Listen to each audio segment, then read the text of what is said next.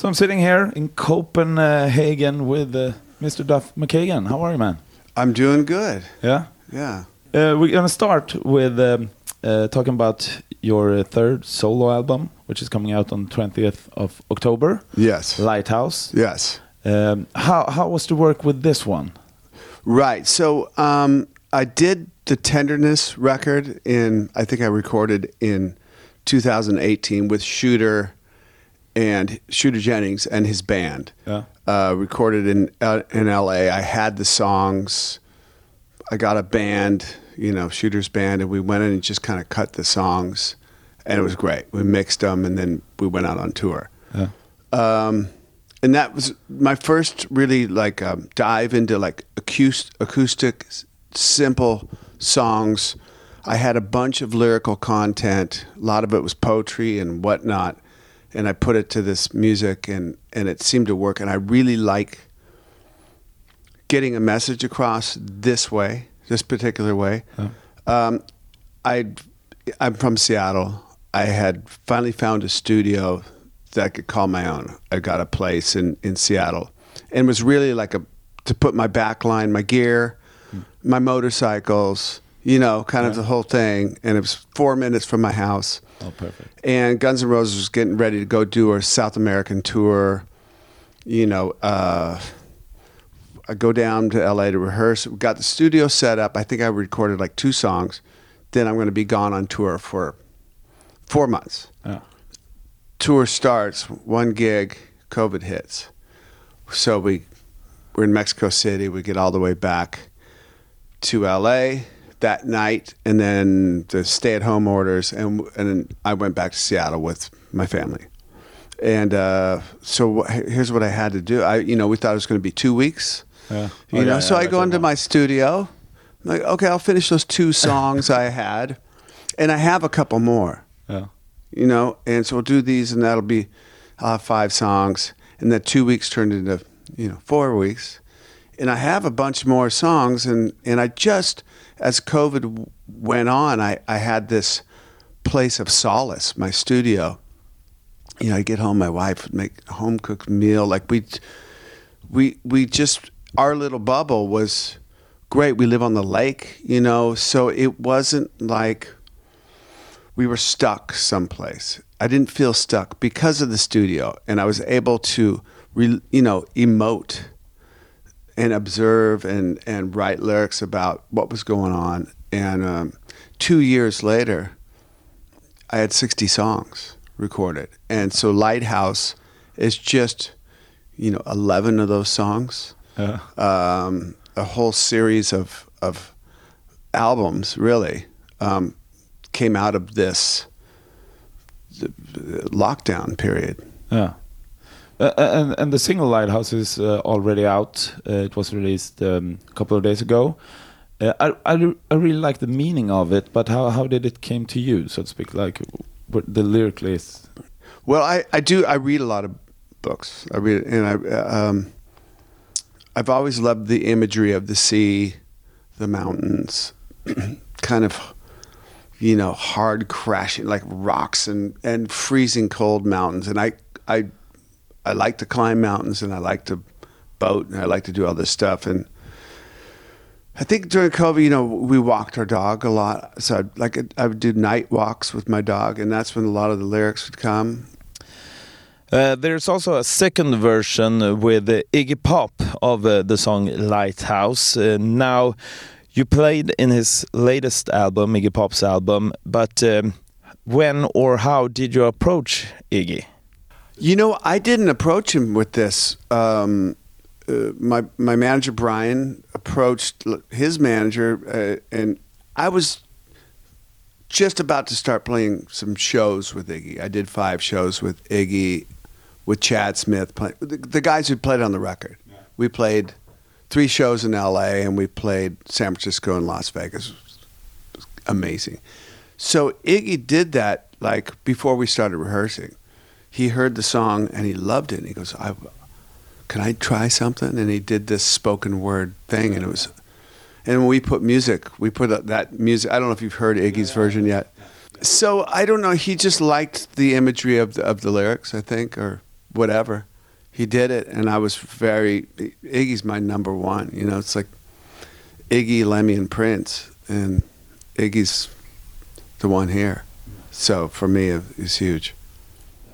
Now let's talk about your uh, song This is the Song. Yeah, I love the fact that you released it for mental health awareness during the Mental Health Awareness Month in America. Now, lyrically, it's struck me right in the soul, but how come uh, you released this song? Well, I wrote that song in the midst of a. Uh, I, I've uh, been afflicted with panic attacks since I was 16. First one I got when I was 16 and uh, through my 20s you know i would have uh, i drank a bunch to like self-medicate the the panic attacks. Yeah. and um, didn't help it. It made it worse. And then getting sober and like how am i going to deal with these panic attacks without drinking without and i got into martial arts. And it's it's really helped. But you know they always said um, my panic disorder was a symptom of depression. And I never got depression until I was about 51. And I had this attack of, was, I call it a depression attack. It just took over. I was getting a massage. I was, it was right after that first run of guns we did in the States, of stadiums. Everything's going great. My family's great. Nothing's, you know, wrong. So it's not like something has to be wrong, I found out. I was getting a massage, which is great. You know, I'm face down and I suddenly just start diving down into the ground.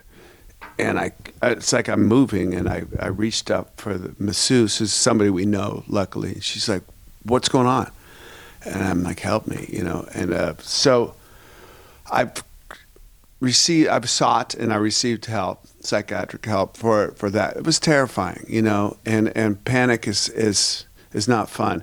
I've found that I have an acoustic guitar with me at all times, and I've found that if I just put on the acoustic guitar and start playing and start writing and start thinking of lyrics, I can get myself through a panic panic attack.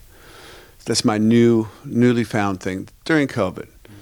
And so that song, this the song was written during a panic attack. Okay, yeah. but uh, do you think people uh, feel worse nowadays mentally than uh, if we compare to people a hundred years back?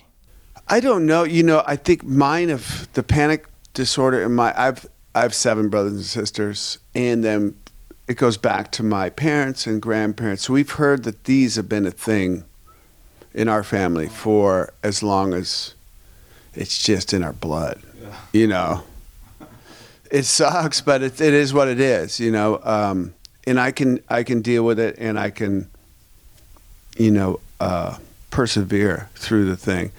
Um, but you know, I don't know. Maybe I, I've talked to like there's I've been on some people's podcasts and stuff like young kids.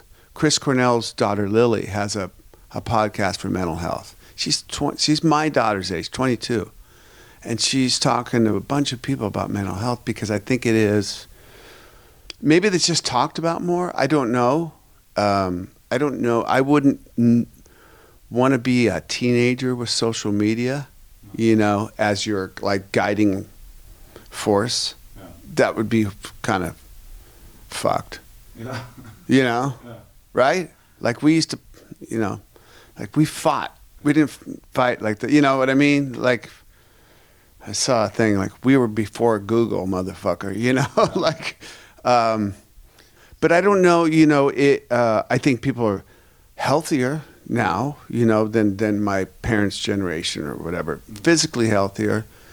Um, and I don't know. I I've talked about my my mental health before, and I wrote about it in my my books. You know, and um, so it's not a new thing for me to talk about. And this song, I thought you know, I went in and recorded the song. I don't know if it's a piece of shit song or not. And we got done with the song. I was like, you know, this this could mean something. It might. It, Mental Health Awareness Month in America was May, and I'm like, let's put this out for May, and and just if nothing else, let other people know they're not alone. You know. Now let's talk about something fun because uh, we're actually going to be colleagues, you and me. Uh, your radio show is going to get aired on Rock Classicer, and that's the radio show um, where you have your wife as a co-host. Uh, what kind of uh, topics uh, do you bring up in your radio show? You know, uh, my wife and I, it's funny because we've been together a long time 27 years. And um, you would think we've talked about everything that we want to talk about, but you put 10 or 11 rock and roll songs in front of us. And it's like the topics are now we're talking about Jimmy Page. And remember, you know, when we met him at, at you know, in London, how cool was that? And we talk about it. And then we'll talk about uh, my wife, like, she'll, she'll look at the playlist and she'll come up with these, like, we call them factoids, you know, like these things about a particular song, where it was recorded, what year, who was the producer, and did you know, blah, blah, blah.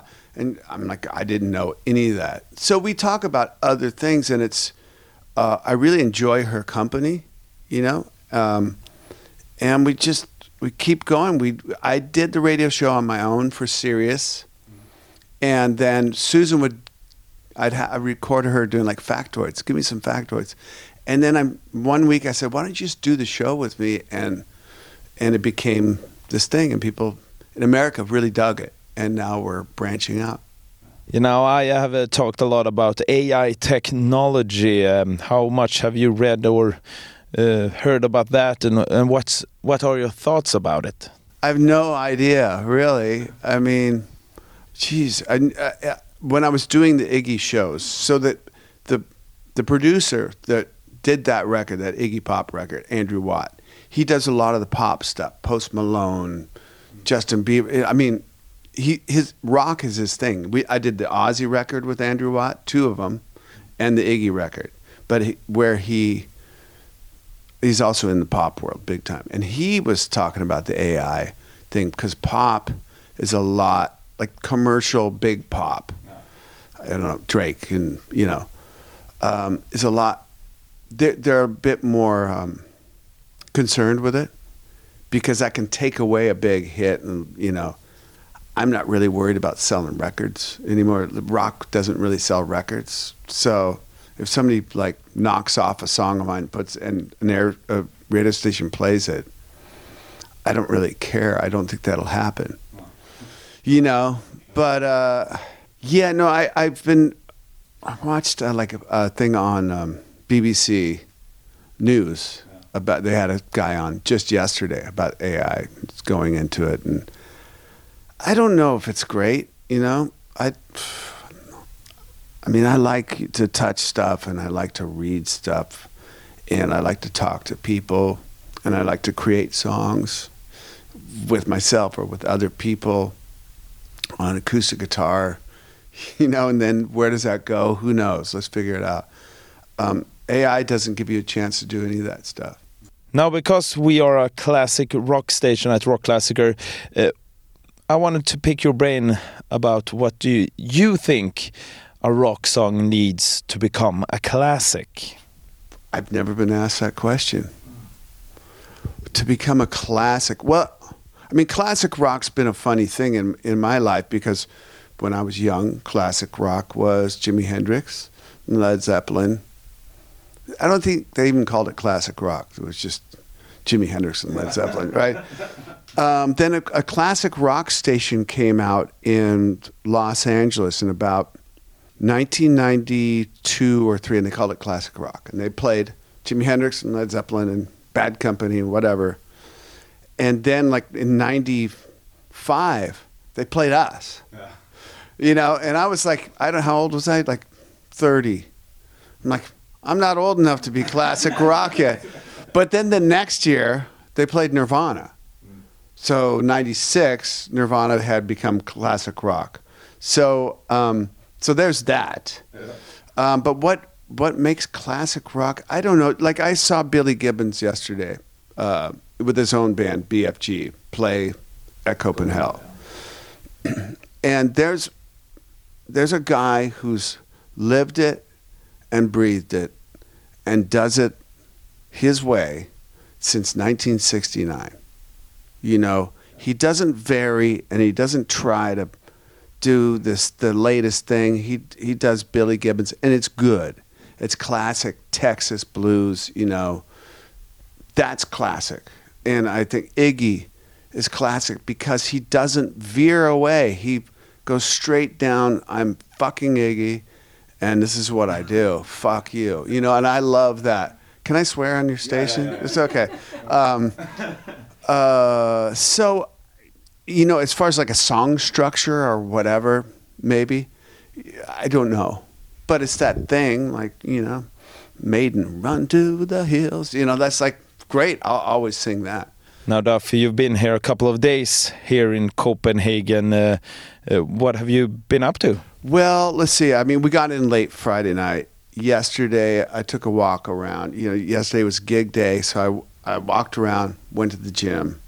We wanted to go down, and Slash and I wanted to go see Billy Gibbons. So that was like at three. Yeah. So we left here, you know, early. All right, Duff. Looking forward uh, to your uh, solo album released uh, 20th of October called Lighthouse. Uh, also looking uh, forward uh, to being colleagues from now on. Then, and thank you very much for your time. Look forward to, to being on your station with my wife, and thanks, guys, colleagues. Ett poddtips från Podplay. I podden Något Kaiko garanterar östgötarna Brutti och jag, Davva, dig en stor dos skratt. Där följer jag pladask för köttätandet igen. Man är lite som en jävla vampyr. Man har fått lite blodsmak och då måste man ha mer. Udda spaningar, fängslande anekdoter och en och annan arg rant. Jag måste ha mitt kaffe på morgonen för annars är jag ingen trevlig människa. Då är du ingen trevlig människa, punkt. Något kajko, hör du på podplay. Därför är gardinerna.